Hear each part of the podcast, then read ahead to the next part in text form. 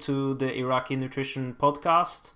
I'm your host, Juma Iraqi, and today I have with me a very special guest, Martin McDonald. Martin, how are you doing today? Hi, Juma. I'm well, thank you. How are you? I'm fine, thank you very much. Uh, really appreciate that you um, accepted my request to do a podcast, and and today we're going to talk about meal frequency and timing, and especially breakfast, as I know that's a topic you're really passionate about. Mm-hmm. So, before we start, I just want to mention that this podcast is available on YouTube in video format, but you can also listen to the podcast on iTunes and also SoundCloud. So, Martin, before we start with the questions, could you please give us a brief introduction about yourself? Yeah, sure.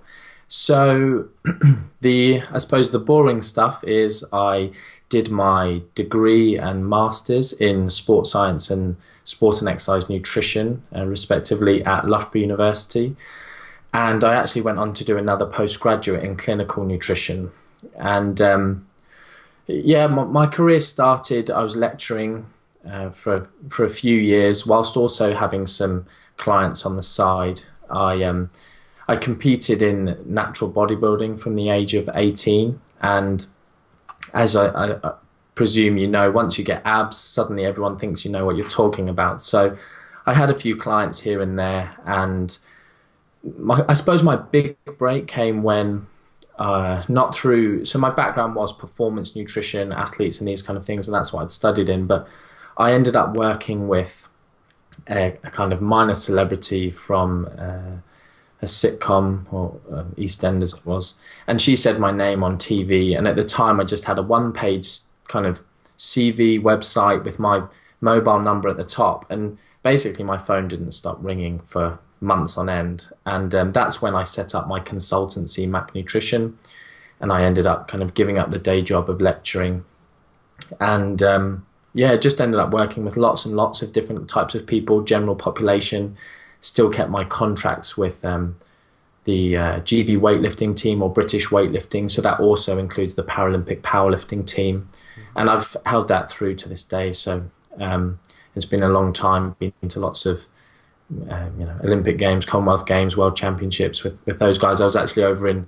Norway for the Europeans, and I, I think we spoke um, yeah. at that time. So yeah, from there I've just gone on and um, I suppose, built up a bit of a social media following. And and my passion really i suppose one of the reasons that i was i did lecturing was because it meant that you were guaranteed an audience every week. And um, depending on what time of day the lecture was obviously. So uh, it, the biggest issue for me was the marking. But as i kind of worked more and more, it became that I was doing much more education for um, athletes, even for um, talent development programs. Um, I was I led one of my early contracts was with um, England Swimming and their talent development. So working with athletes, all the you know maybe nine year olds all the way up until kind of they would get on the Olympic squad. So lots and lots of education and I think really I found that's my passion lies in the education stuff. I love reading nutrition research, probably much the same as yourself, and um, yeah, and then just putting that into, I suppose my key thing is public speaking. So I just love being on a stage, being able to talk to people who care what I'm talking about. So yeah, yeah, it can be a really real energy rush being on stage. So I know the feeling. But uh, how big is the company now? now? I know Mac, Mac Nutrition is a really big big deal in the UK. Um, I wouldn't I wouldn't necessarily be, say a big deal, but it's um, it's funny. I spoke at um, Body Power Expo this year and ended up sit, having dinner with kind of the the head people from there, and um, they were asking about the team. And so I think now we've with kind of uh, we've got a placement student who's leaving, but we've got someone who's coming in to replace, and we've had one member of staff leave, but we've got another intern coming in. So at the minute, it's it was eleven, but it's kind of nine um, individuals now. So uh, we, I suppose, we are in a way the biggest in the UK, uh, mm. industry leaders, as it were. But it doesn't feel like that. I always say to people, in a relatively small business like mine, mm. um, in the industry, it's you know we've got when people come to, we have a mentorship program where other nutritionists, dietitians, S and C coaches, personal trainers come, and and it's really kind of humbling. They're like, oh, if we could only be half as successful as you, it would be brilliant. And you know that's really nice, but I still feel like I've got a whole way to go really before I call myself successful. So yeah, yeah. But what what made you actually decide to do uh, another degree? Like uh, you know, you mentioned that you had the main interest in performance, and you did that degree first. What what made you go back and do another degree in clinical nutrition? Yeah, I think you're probably the first person who's ever asked me that. Um, it's quite an interesting story. So I, off the back of, I basically helped this celebrity lose loads of weight, and um, she was this big. Um, news story for months, and um, it meant that I ended up getting clients from all realms, walks of life, thinking that I was someone special. And you know, all I'd done with her was helped her lose weight, um, helped her with her nutrition. And back then, I was I wasn't I was rubbish at what I did, to be quite frank. And um, so she went with a personal trainer. I helped her with her nutrition, and um, it meant that I yeah, worked with lots of different people who probably thought I was more important and therefore paid me lots of uh, money. And it turned out that I helped this one lady with her nutrition, and she wasn't for weight loss. She actually had some food issues, but she just hadn't got it right. And I simplified it for her. But it turned out that her husband worked was quite high up in in Bupa. Are you aware of Bupa? They're like the big health insurance type company in the UK, uh, in the UK. But I presume they're global, but I actually don't know. Anyway, he came and said to me he he was involved in a lot of innovation, and they wanted to. Um, they wanted to bring as a health insurance company. They did. They wanted to be able to actually then help with health. So he then brought me on board as a consultant, and I thought, oh man, I'm helping with something quite serious here, and really my credentials don't support what I'm doing. So at the time, I then started studying as I was on the job, mm-hmm. and then ended up doing this um, clinical nutrition at Roehampton University. Um, and just on the flip side of that as well, I was, as you'll know, in the world of weight loss. Weight loss is such a supporting agent in, in many, many diseases. So, you know, people would get, take up exercise programs because their uh, GP had told them to, and then they might have you know, high cholesterol or um, they might be pre-diabetic or something, and the, the doctor said you really need to lose weight, and they would just Google, you know, nutritionist to help them lose weight. I would start working with them, and I thought I probably need to get a bit more clued up on the clinical side of things if I'm going to start hearing polycystic ovary syndrome and um, type 2 diabetes more often. So it just kind of led me down that road, and I just thought, from a integrity point of view, as a sports nutritionist, I I what didn't really have, and it's not to say that qualifications are everything, but I just felt I would, it would be doing my dues to get the kind of academic mentoring that you do get at the highest level in uh, kind of studying. So yeah, that's that's really why I got led down to to doing those kind of things. Interesting. I think it's a great supplement, especially when you work with athletes, but because sometimes you have these sort of cases, especially with with uh, for example eating disorders that are very common and uh, can be very difficult to to work with. So I think it's a it's a great thing that you did there. Um, yeah. Further in your education on the clinical part. Okay, let's let's dive into the questions. And the first question is when it comes to breakfast, people always say that it's the it's the most important meal of the day. You read these observational studies that links eating breakfast with a healthier lifestyle, but do actually breakfast give an advantage on your uh, on your metabolism? Does it kickstart your metabolism? Yeah, so this you've really gone in at my um, my one of my favorite talking points here. So the the idea that breakfast is somehow um, magical, I suppose, is really what it comes down to in terms of oh, it you know boosts your metabolism. Realistically, it doesn't boost your metabolism in the way that many, many people would say it does, the way you see on the internet, this, the way you see in many health guidelines. So we know that when you eat, you do get um, uh, through the thermic effect of the different foods that you'll be eating. So you have some cereal with some milk, and it raises your metabolism to some extent, depending on the macronutrient composition of that meal. But the idea that if you skip breakfast, your metabolism will somehow be slower over a 24 hour period or like for like in a calorie equated scenario is just plain wrong. So, I, the main study I draw back to on this is is one the Bath Breakfast study. It was in I think it was 2014 was the first um, published paper that um, James Betts and his team did down there, and one of their kind of key parts of their summary of their finding of their results was there was no I think they might have even used the term metabolic adaptation to skipping breakfast. So people's metabolism was no slower through having no breakfast.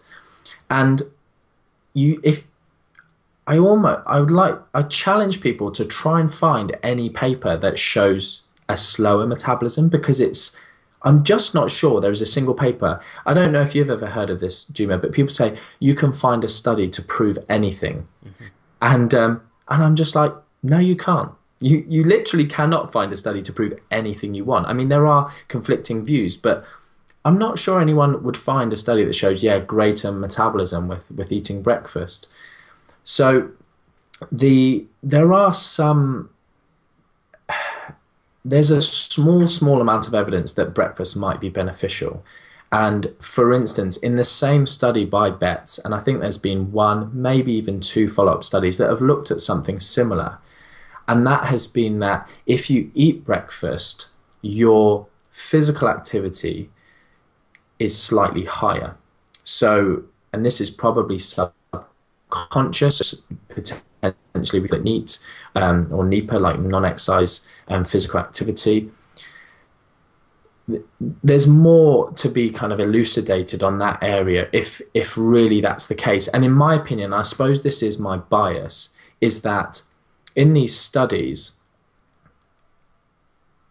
it in the real world, if someone is very much a case of they have their set routine and you say to them, do eat breakfast or don't eat breakfast.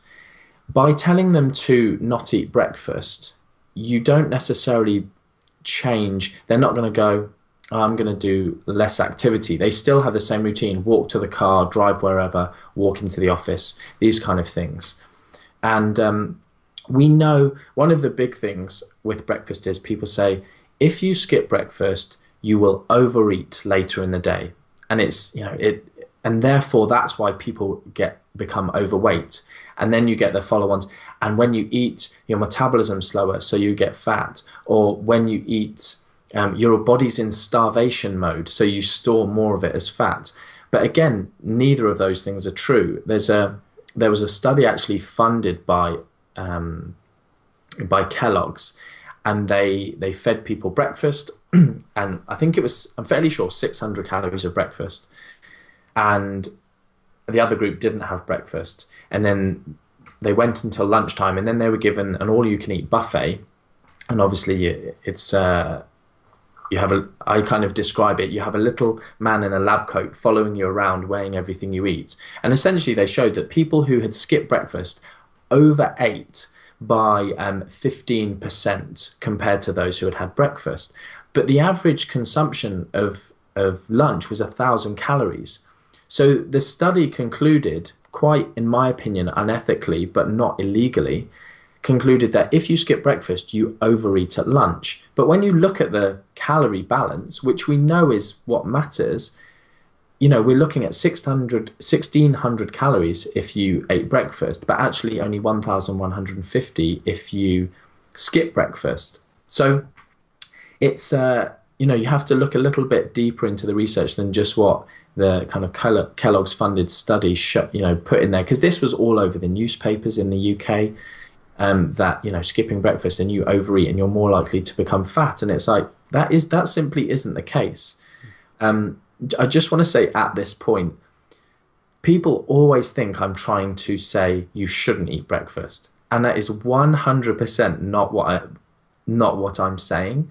It's a case of there are many people who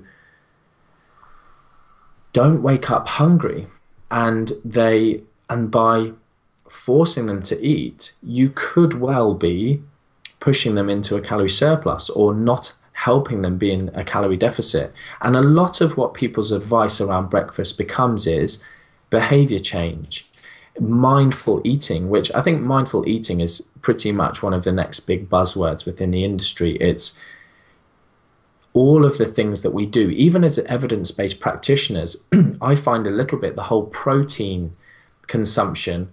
We protein has so many benefits, but it's almost like we can get a little bit too far that way. I, I don't know if you've seen like I think is it Mars bars now they have Mars protein. Yeah.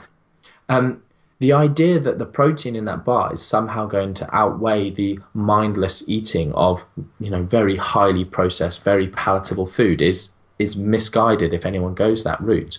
I'm sure they taste great, and you know a lot of protein bars are basically just Mars bars. But um, I think a lot of the this area of us telling people to eat a chicken breast because it's going to boost your metabolism and satiate you more and these kind of things. And actually, we're just creating a mind mindful person who thinks, you know, they have to go and prepare that or go specifically a bit further in the supermarket to buy it rather than just what am I going to eat? Uh, a bag of crisps or some chocolate.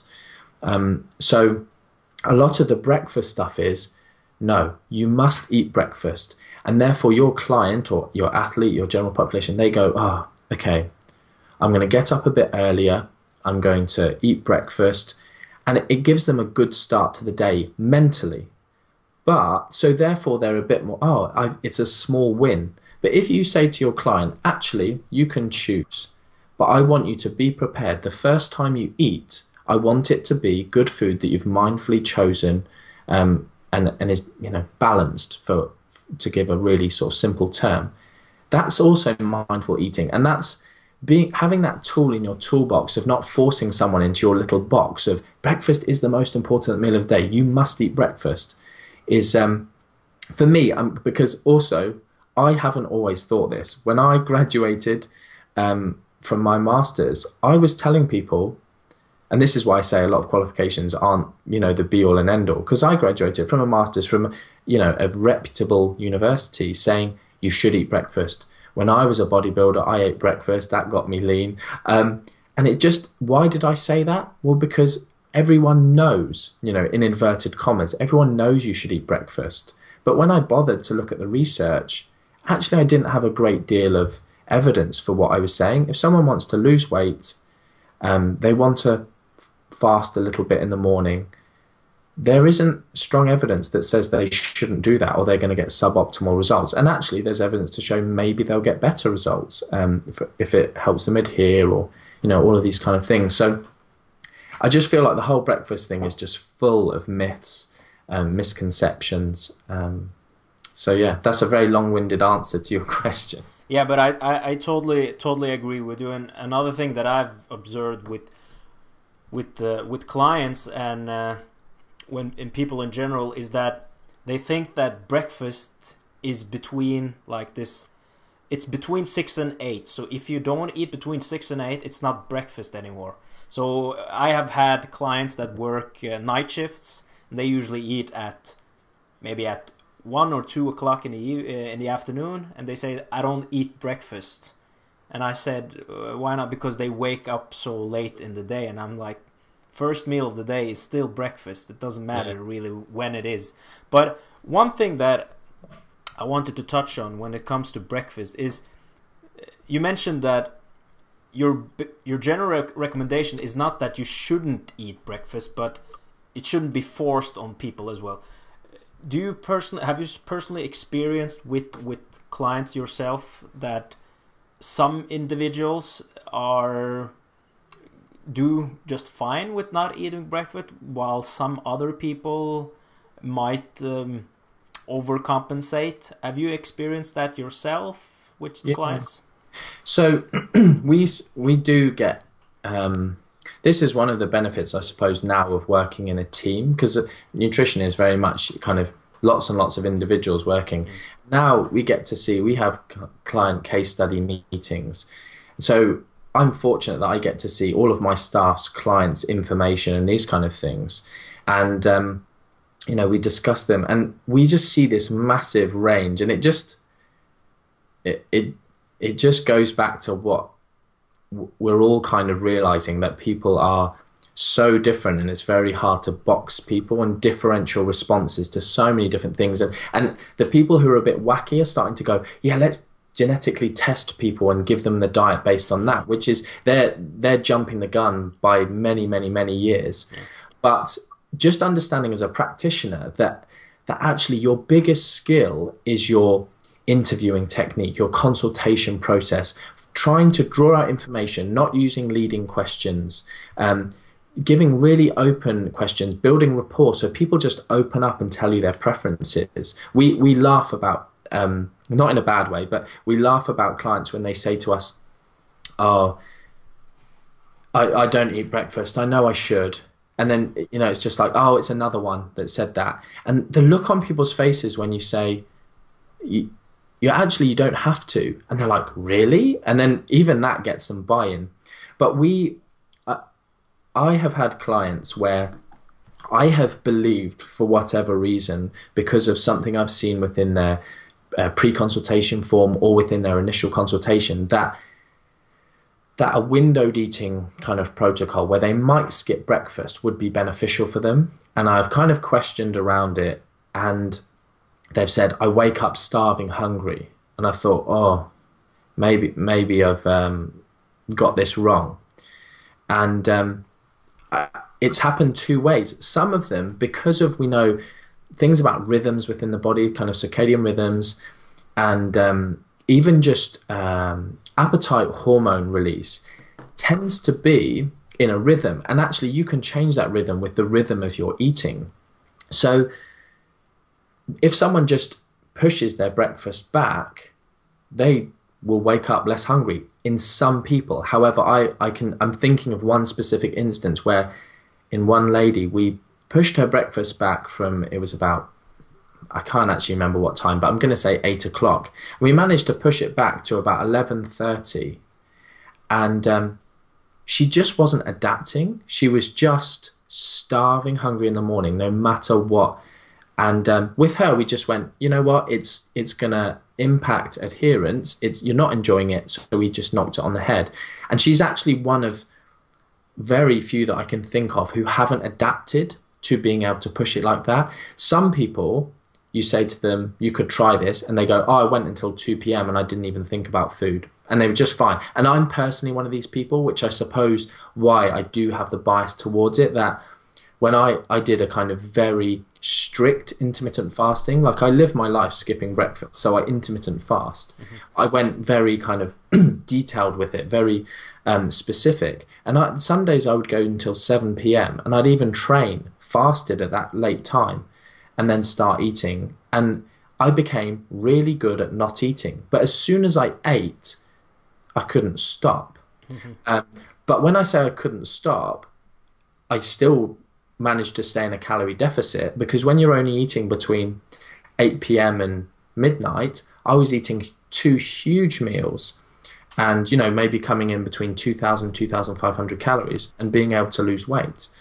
and um, that was kind of my goal at the time. So we do find very different responses from people but it's also understanding that even if someone reports being hungry in many many people we've been able to shift that hunger. And actually they've felt so much better just delaying breakfast because it's been a smaller window. Then they get busy at work.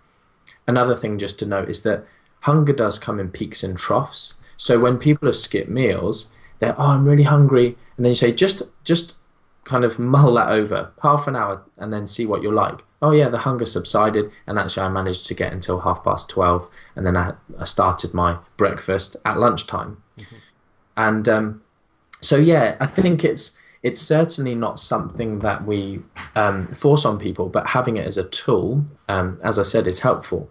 The other thing that I just wanted to touch on, because I feel like it linked to something I said earlier, is if you tell someone that they must eat breakfast or they must eat at a specific time, a bit like you said, people think breakfast is in this funny time period.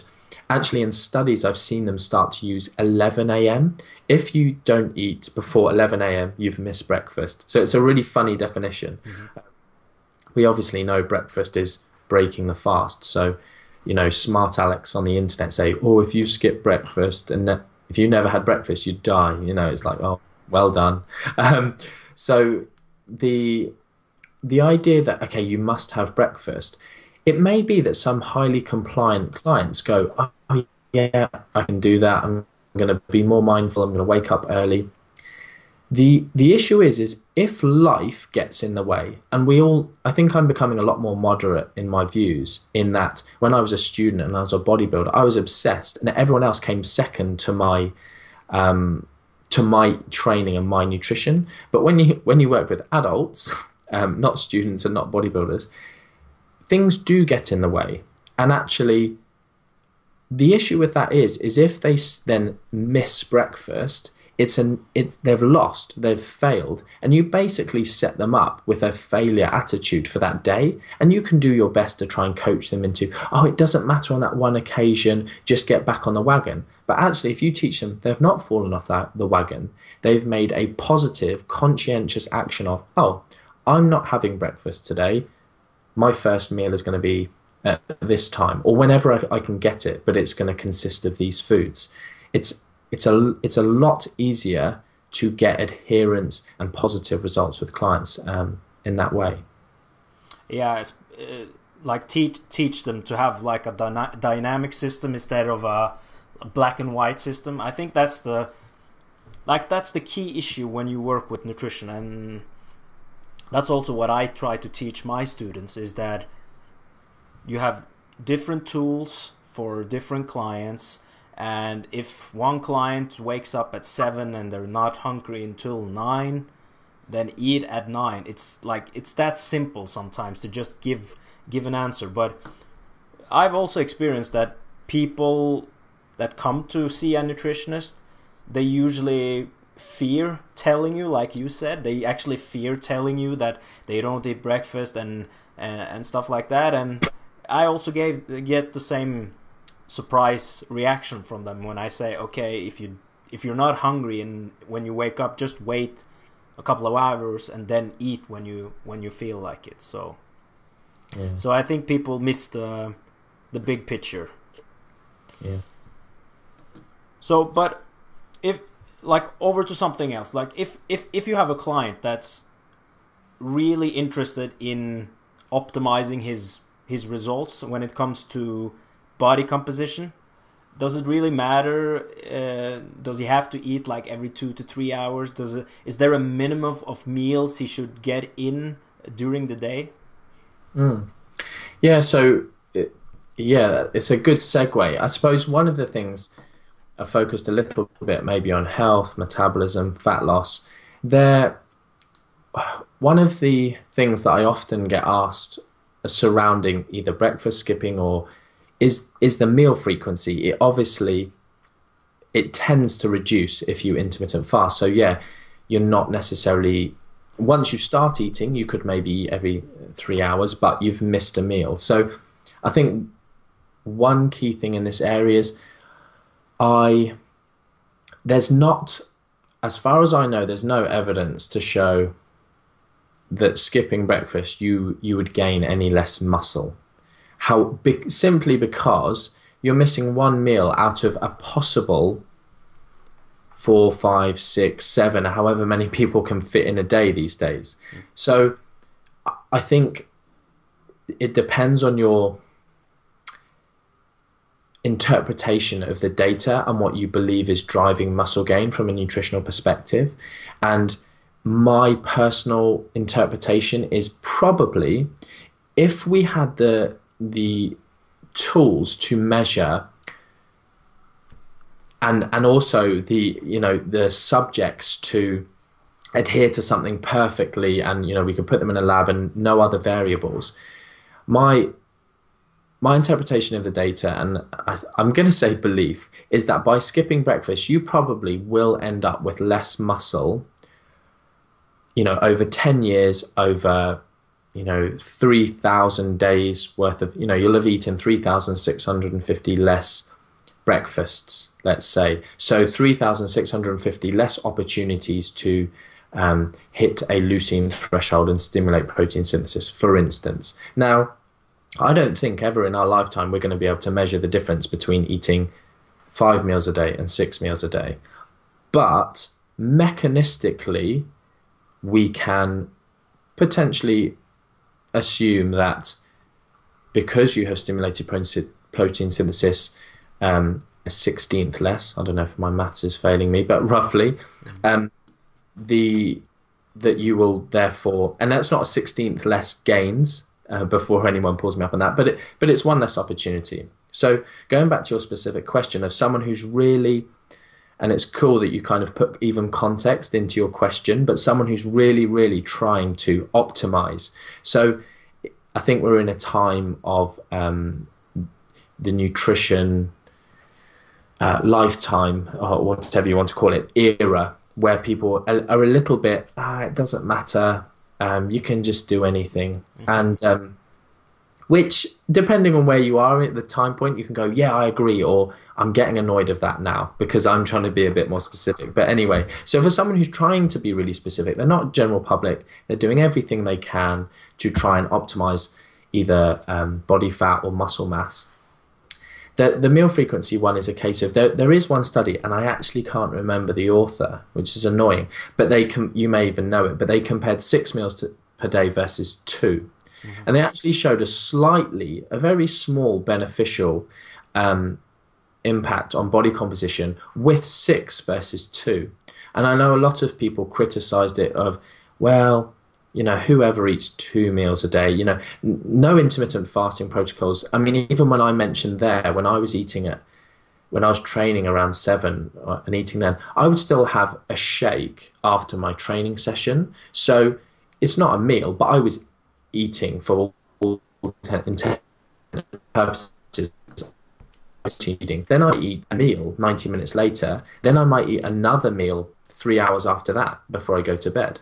So I was getting three time points of protein synthesis. So um, the the idea that um, six versus two, those are really kind of different.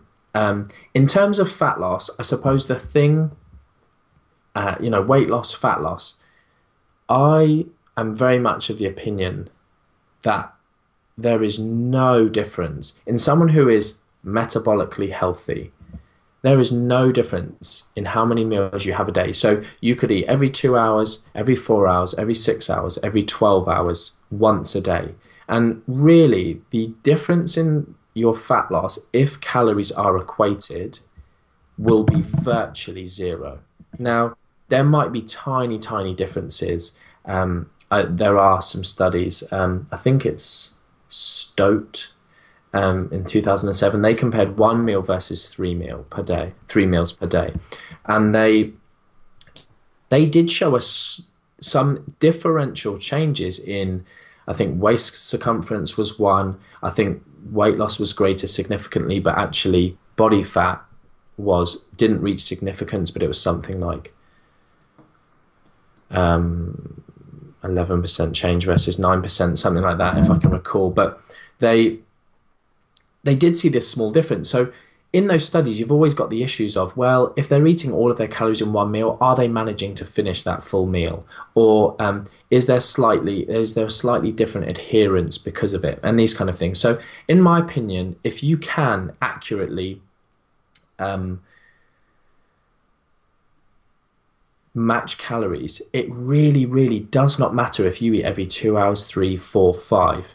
Now, from a body composition and muscle mass point of view, there probably is a small advantage, and I mean small, to maybe going to a higher um, number of meals per day. Um, and therefore, looking at maybe, you said two to three there and I, and I know there's this whole stoke your metabolism by eating little and often. So that is not true. Um, again, that's another one. Try and find a study that supports that idea. It's just not there. Um, there's there's uh, nibbling versus gorging studies, and I think nibbling studies have gone up to 13 meals a day uh, versus one, and they showed no difference in uh, metabolism. They showed no difference in, I think, in, is it? Did they measure body temperature as a measure of metabolism? I'm not sure, but either way, no difference. So, but in terms of you know, where are we trying to hit in terms of meal frequency for optimal body composition? Somewhere between three and seven, maybe four and seven. Uh, it, it, it is in that, those ranges. I actually um, delivered on one of our mentorships recently, and I did this whole thing. We talked about refractory periods, leucine thresholds, um, protein timing, all of these different things, talking about muscle gain. And I gave them the summary slide, and I said, so basically, what I'm telling you is what uh, the Arnold Schwarzenegger era of bodybuilders were doing was just about right, but I've managed to get you to pay me money to for me to tell you that, and it's just it's yeah it because they love they love it they the same as me uh, um, geeking out on the science, but it's nothing has changed that drastically. We still know you need some. So I think in the evidence based crowd there has I don't know if you've seen this at all, but a bit as long as you hit total protein it just doesn't matter have you seen that kind of thing said yeah yeah um, and like i i categorically refute that in terms of it, it may be that um, there isn't really really strong evidence. But you know even i've, I've mentioned that study with the six versus two meals. If if you eat all of your protein whatever let's say 160 grams a day in one meal versus splitting it into four for the same amount of protein, mechanistically, and I mean, based on a few studies, we we can say that you're probably going to gain more muscle because you've got more um, time periods where you you are stimulating muscle protein synthesis. So, I think where that has come from is a little bit of the idea of people caring more about nutrient timing than they care about the things that really, really do matter, like um, protein, uh, total protein. So it's like, oh, someone's eating um, 80 grams of protein a day at a body weight of 80 kilos, and someone going, make sure some of those 80 grams go immediately after your training session mm-hmm. before they just go, actually, do you know what? You should probably bump your protein up a little bit if you're really trying to gain a lot of muscle mass. So I think that's where people have swung a little bit too far and said it's total protein. That's all that matters. Yeah. And, I think that ignores a lot of of what we know now.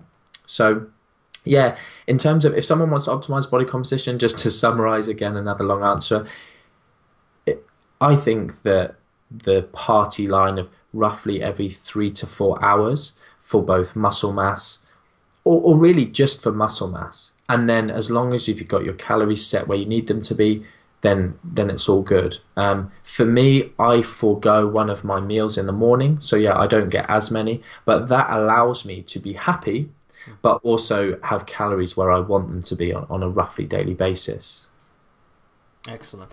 And uh, when when we're on the subject, I think there was a study in I think from I don't remember the author. I think the author was Ar- Areta from 2011 oh. or 12. Hey, they it, took yeah. 80 grams and did two meals, four meals, or eight meals, and yeah. they actually saw better results with the four meals because I think eight eight meals at 10 grams, four meals at 20, and uh, two meals at 40. So they saw actually better gains from the four meals than the other the other group. Yeah, so yeah. so saying that all total protein is only the only thing that matters is is is is not correct in my Too opinion. Simplistic, yeah. I, I think I think the point that you you're, you're trying to say is that you you have to get the basics first. You have to get like if if you're gonna look like people say, oh, I'm trying to lose weight and I'm eating healthy you can eat healthy, but you could still overeat on calories.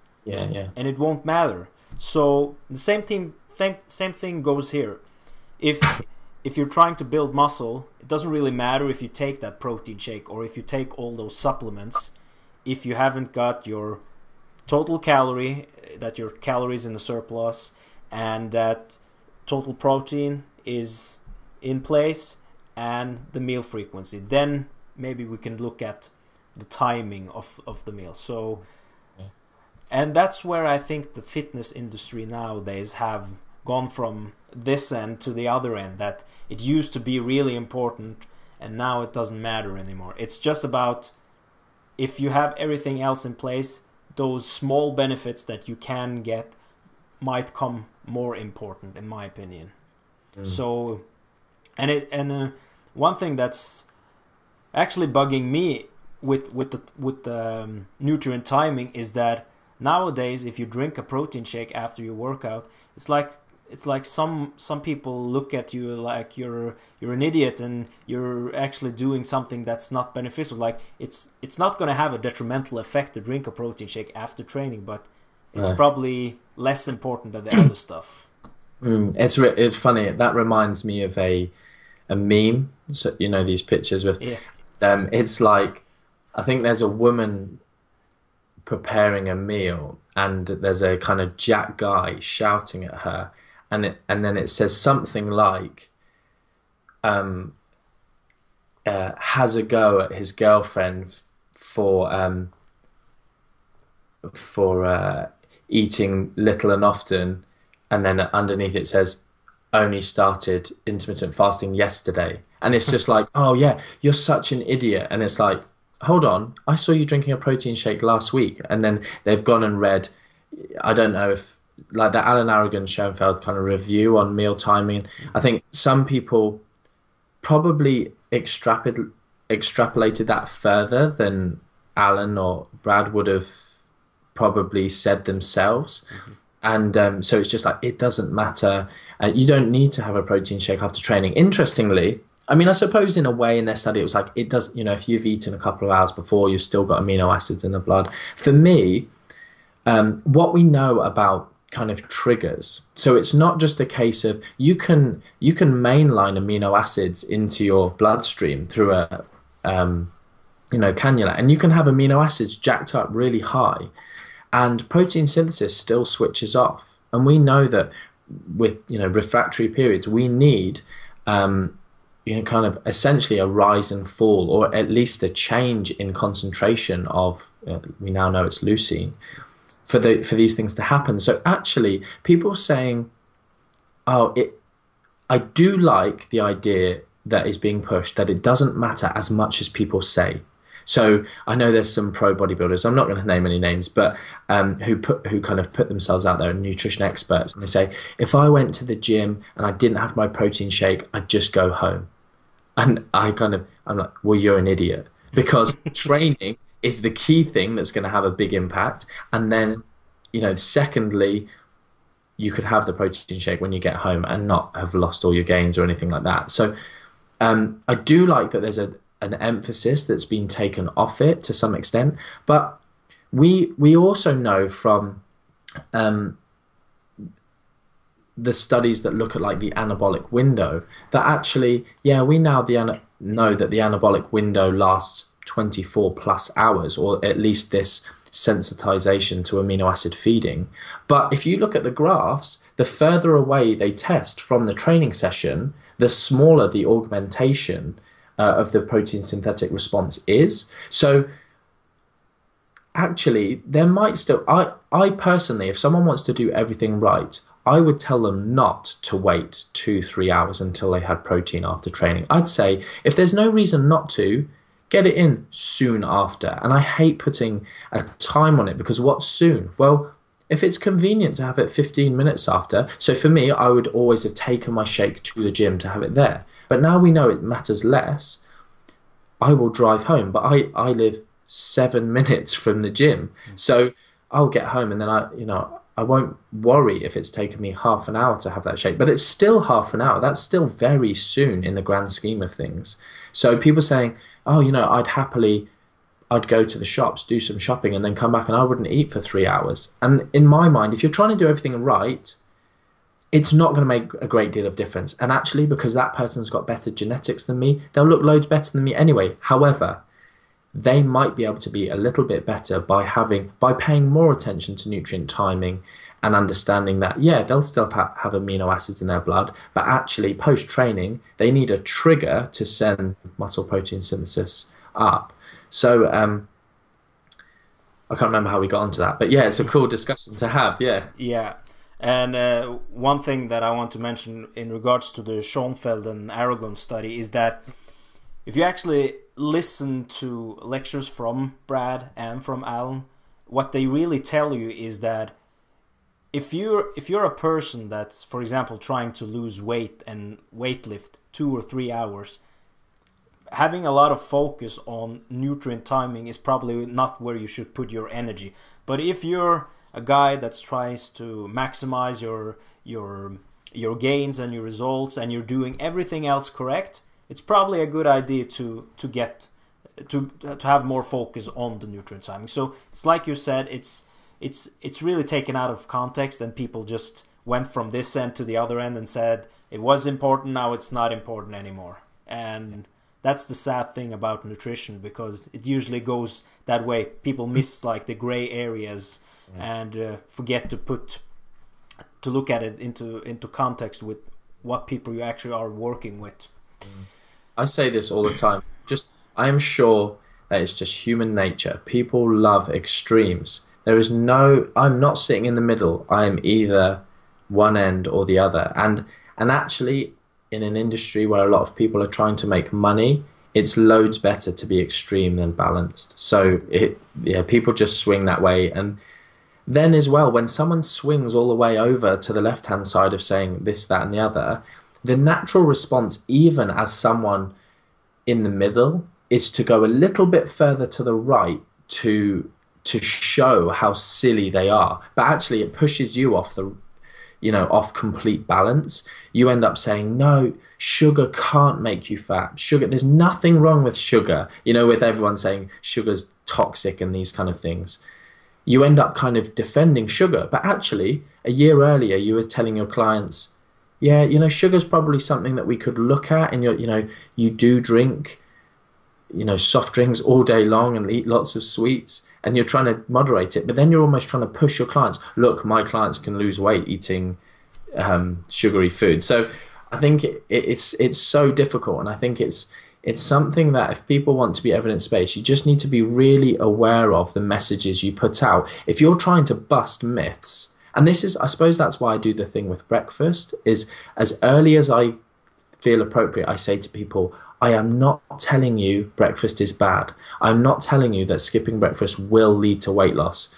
I'm telling you that the idea that you must eat it is wrong. So, you know, trying to stay firmly very centered and, um, and not just going, no, well, I skip breakfast. Look at me. I've got better abs than that person who eats breakfast. You know, these kind of things. It's just, yeah, I do think it's it's a bit of human nature to go to the extremes, but yeah. yeah, yeah, and I totally agree with with what you were saying in regards to like if you look at the flexible dieting and if it fits your macros, it almost seems like uh, the goal is to get in as much processed and unhealthy food as they can, and that's really not the concept. The concept is that you're flexible enough that if you have the small piece of cake or if you have that small chocolate on a Thursday, you're you're not off your diet and you haven't really done a lot of damage, but it it can be damaging if if you have a black and white mentality and think, okay, I ate the chocolate, I'm not following my meal plan, I might as well just binge eat from from Thursday evening to Monday and start my diet all over. Again. And that's a tip, typical thing to do. So um, I think people miss miss a bit of the concept, and that's why I also think that people that don't really understand flexible dieting are really critical uh, about it. I actually have an article on my website called uh, Pop Tarts and Ben and Jerry's, where I go into these what people actually think about it and what what the concept really really is. Yeah.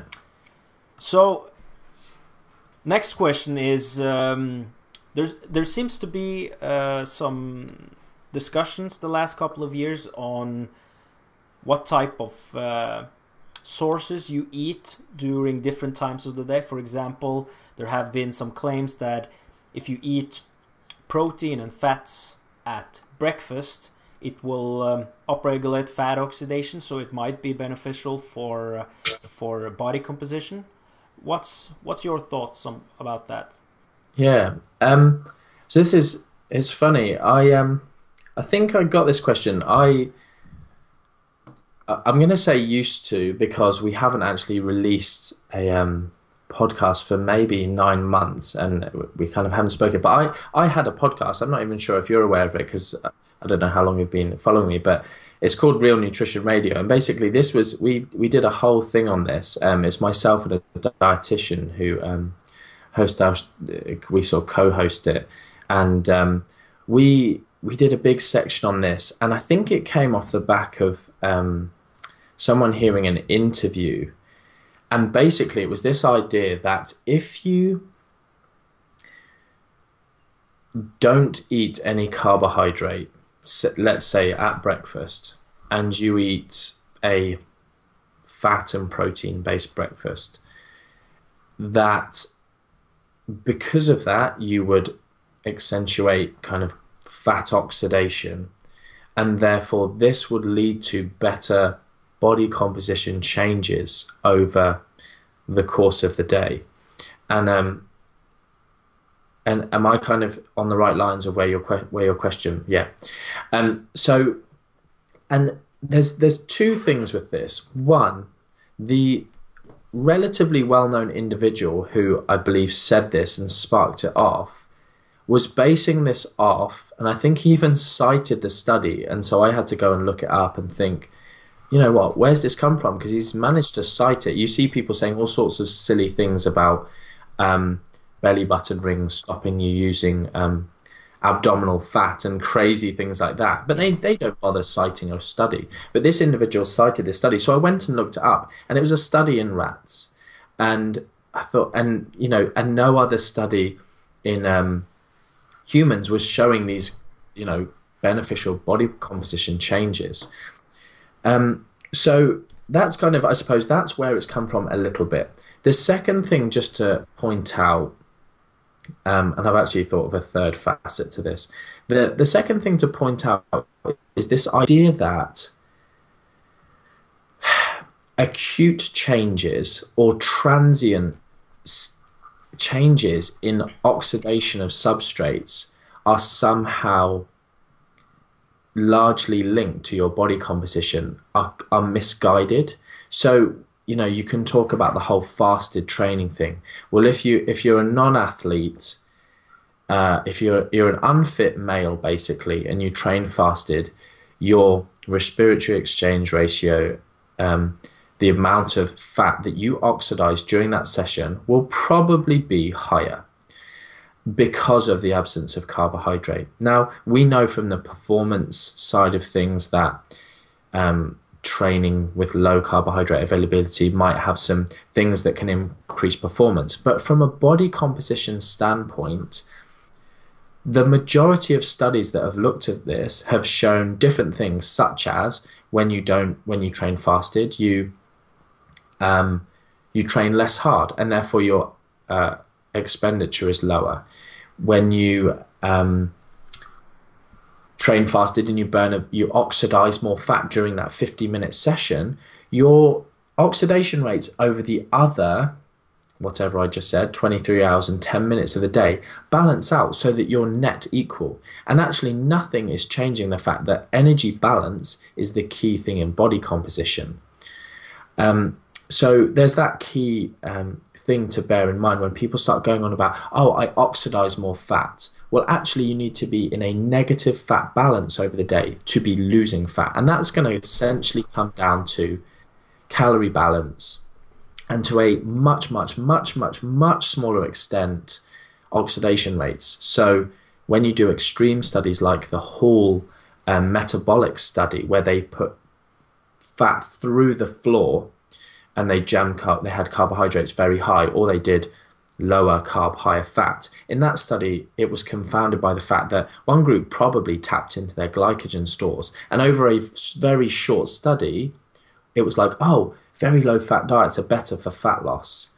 But that's irrelevant um, because it was 24 hours and you know the confounding variable was obvious. But going back to this question, the idea that removing carbohydrates from from breakfast so that you're in a fat burning state for longer is is misguided. It, I don't want to say it's wrong because that's my third facet, and um, but most people who are saying yeah eat you know I don't know meat and nuts for breakfast is that something that you've come across? Yeah.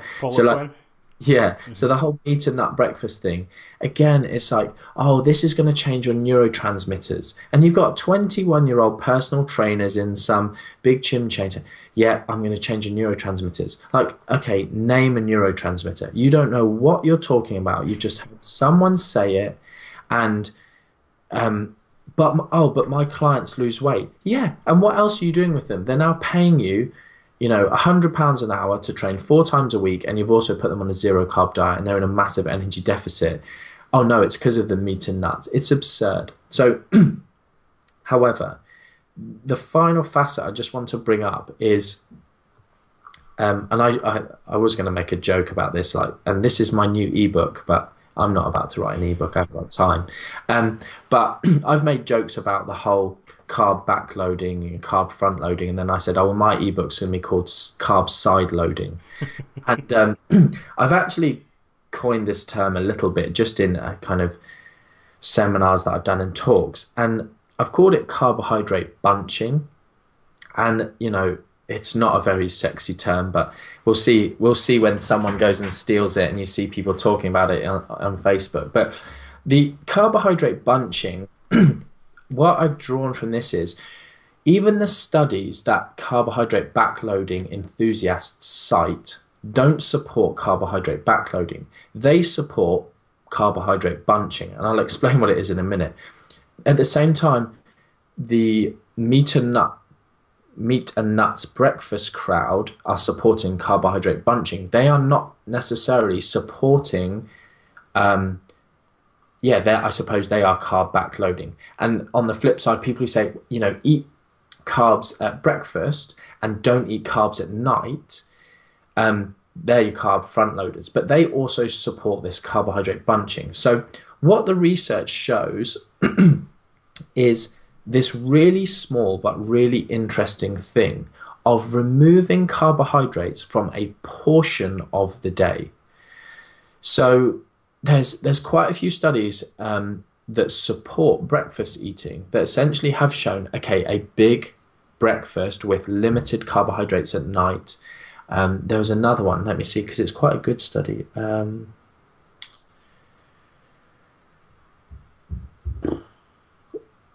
it might be Jacob, uh, but if people want to ask, I'm happy to, to find and post it. But essentially, they showed that a heavy carb breakfast and a heavy protein dinner again had favorable impacts on body composition. And um, so that's even flipping on his head. We're talking about carbohydrate lunches and protein dinners, but you've got all of these different studies that, like the Sofer study, um, which showed that lots and lots, I think it was 70 plus percent of carbohydrates eaten in evening meals showed favorable body composition changes versus carbs spread out through the day. That's one of the carb backloading studies. And that study hasn't showed that carbs backloaded are better than front loaded. It's shown that carbs in a, in a bunched fashion are better than them evenly spread throughout the day. And then again, we need to understand the context. These individuals are not metabolically healthy. They are not fitness competitors. They are not bodybuilders.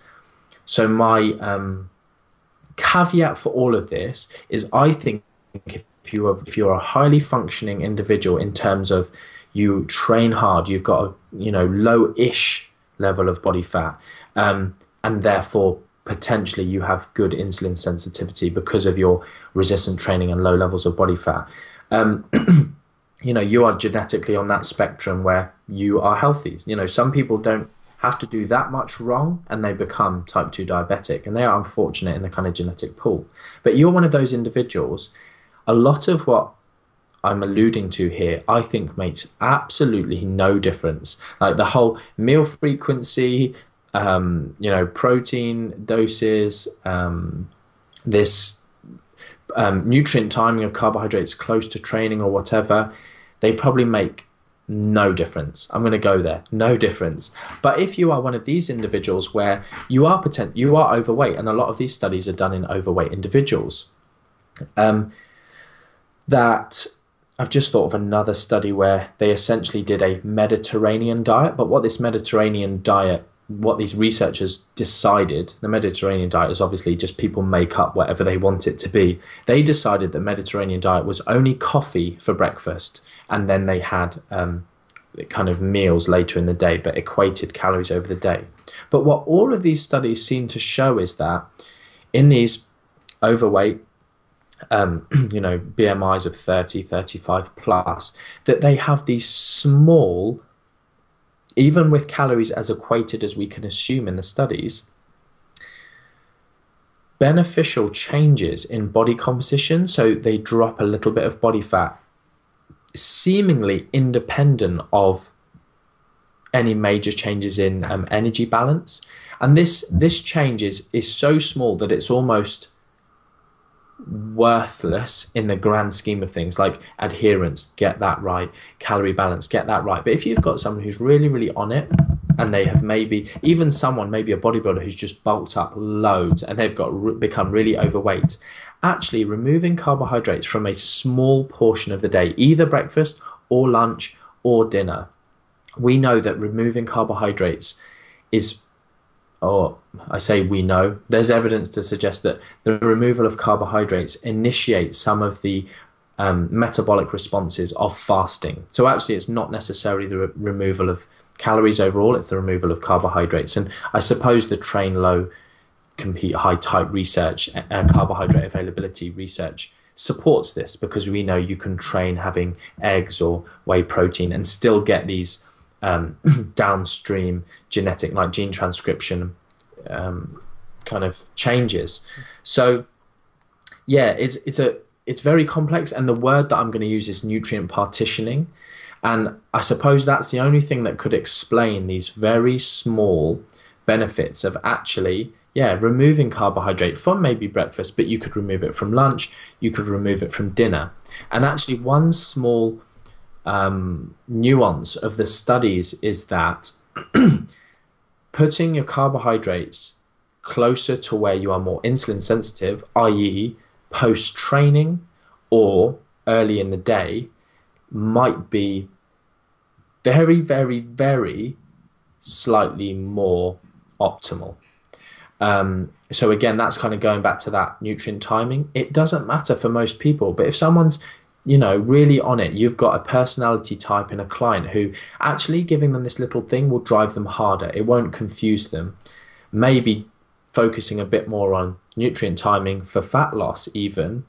Um, you know, meal frequency, stuff it, makes no difference. Uh, but actually, carbohydrates around in those periods and having a one window throughout your day. So you bunch your carbohydrates either bunch them at the beginning of the day breakfast lunch bunch them at the end of the day lunch and dinner or you know your snacks or beginning of the day and end of the day and have your middle of your day free. Um yeah it that that's the kind of top end advanced forum discussion type stuff um on that excellent all right, Martin. Thank you so much for um, agreeing to this uh, to do this uh, podcast. I think it was great to do all a discussion on all these questions. Um, where can people people find more information about you? Yeah, so um, uh, I suppose the main I hang out a lot on social media. So um, my Facebook page, you can just Martin MacDonald, and you'll see me on there. Um, our macnutrition.com is my consultancy so that's our website and it links through to our again our facebook page for mac nutrition uh, i'm also on twitter as at martin nutrition and uh, my personal website martin-macdonald.com is actually about to be redone. Never visit that website on a mobile phone that's all i'm saying. Um, but on a web browser you can go there. I've got a, a free ebook there where people can go and download. Um, it's called, I think it's called intermittent fasting to get to single digit body fat levels, um, something like that anyway. But one of the things, if people do want to go in there, and I can give you the, the link to, to post up, but I'm going to be releasing um, a couple of lectures that I've done recently, one on hormones, so about testosterone, thyroid, and insulin, and what you need to know for optimal um, fat loss and muscle gain, and then another one very specifically actually on nutrient timing. So those are full lectures with lecture slides and everything. So if people want to go and stick their email address in there, and, and we'll send them um, those free lectures. Uh, yeah. Excellent. All right, Martin. Once again, thank you, thank you so much for taking the time, and um, maybe we can do another podcast another time on a different topic. Yeah, no, I'd uh, I'd like to do that. I've um, one of the things that I can't believe I've not plugged it actually. I'm starting this new um, course, education certification in nutrition actually. So if people want to look that up as well, it's um, a 12 month online course.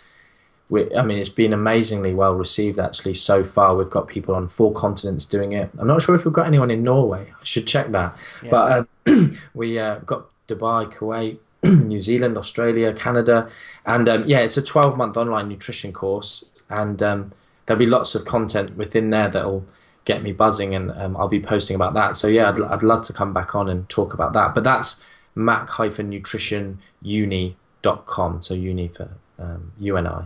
Excellent. I'll cool. put a, I'll put a link in the in the description for for all the the website and, and links. Okay, Thanks. okay, Martin. Have a nice day, and hope uh, hope we speak soon again. Yeah, thank you for having me. Thank you. Bye bye.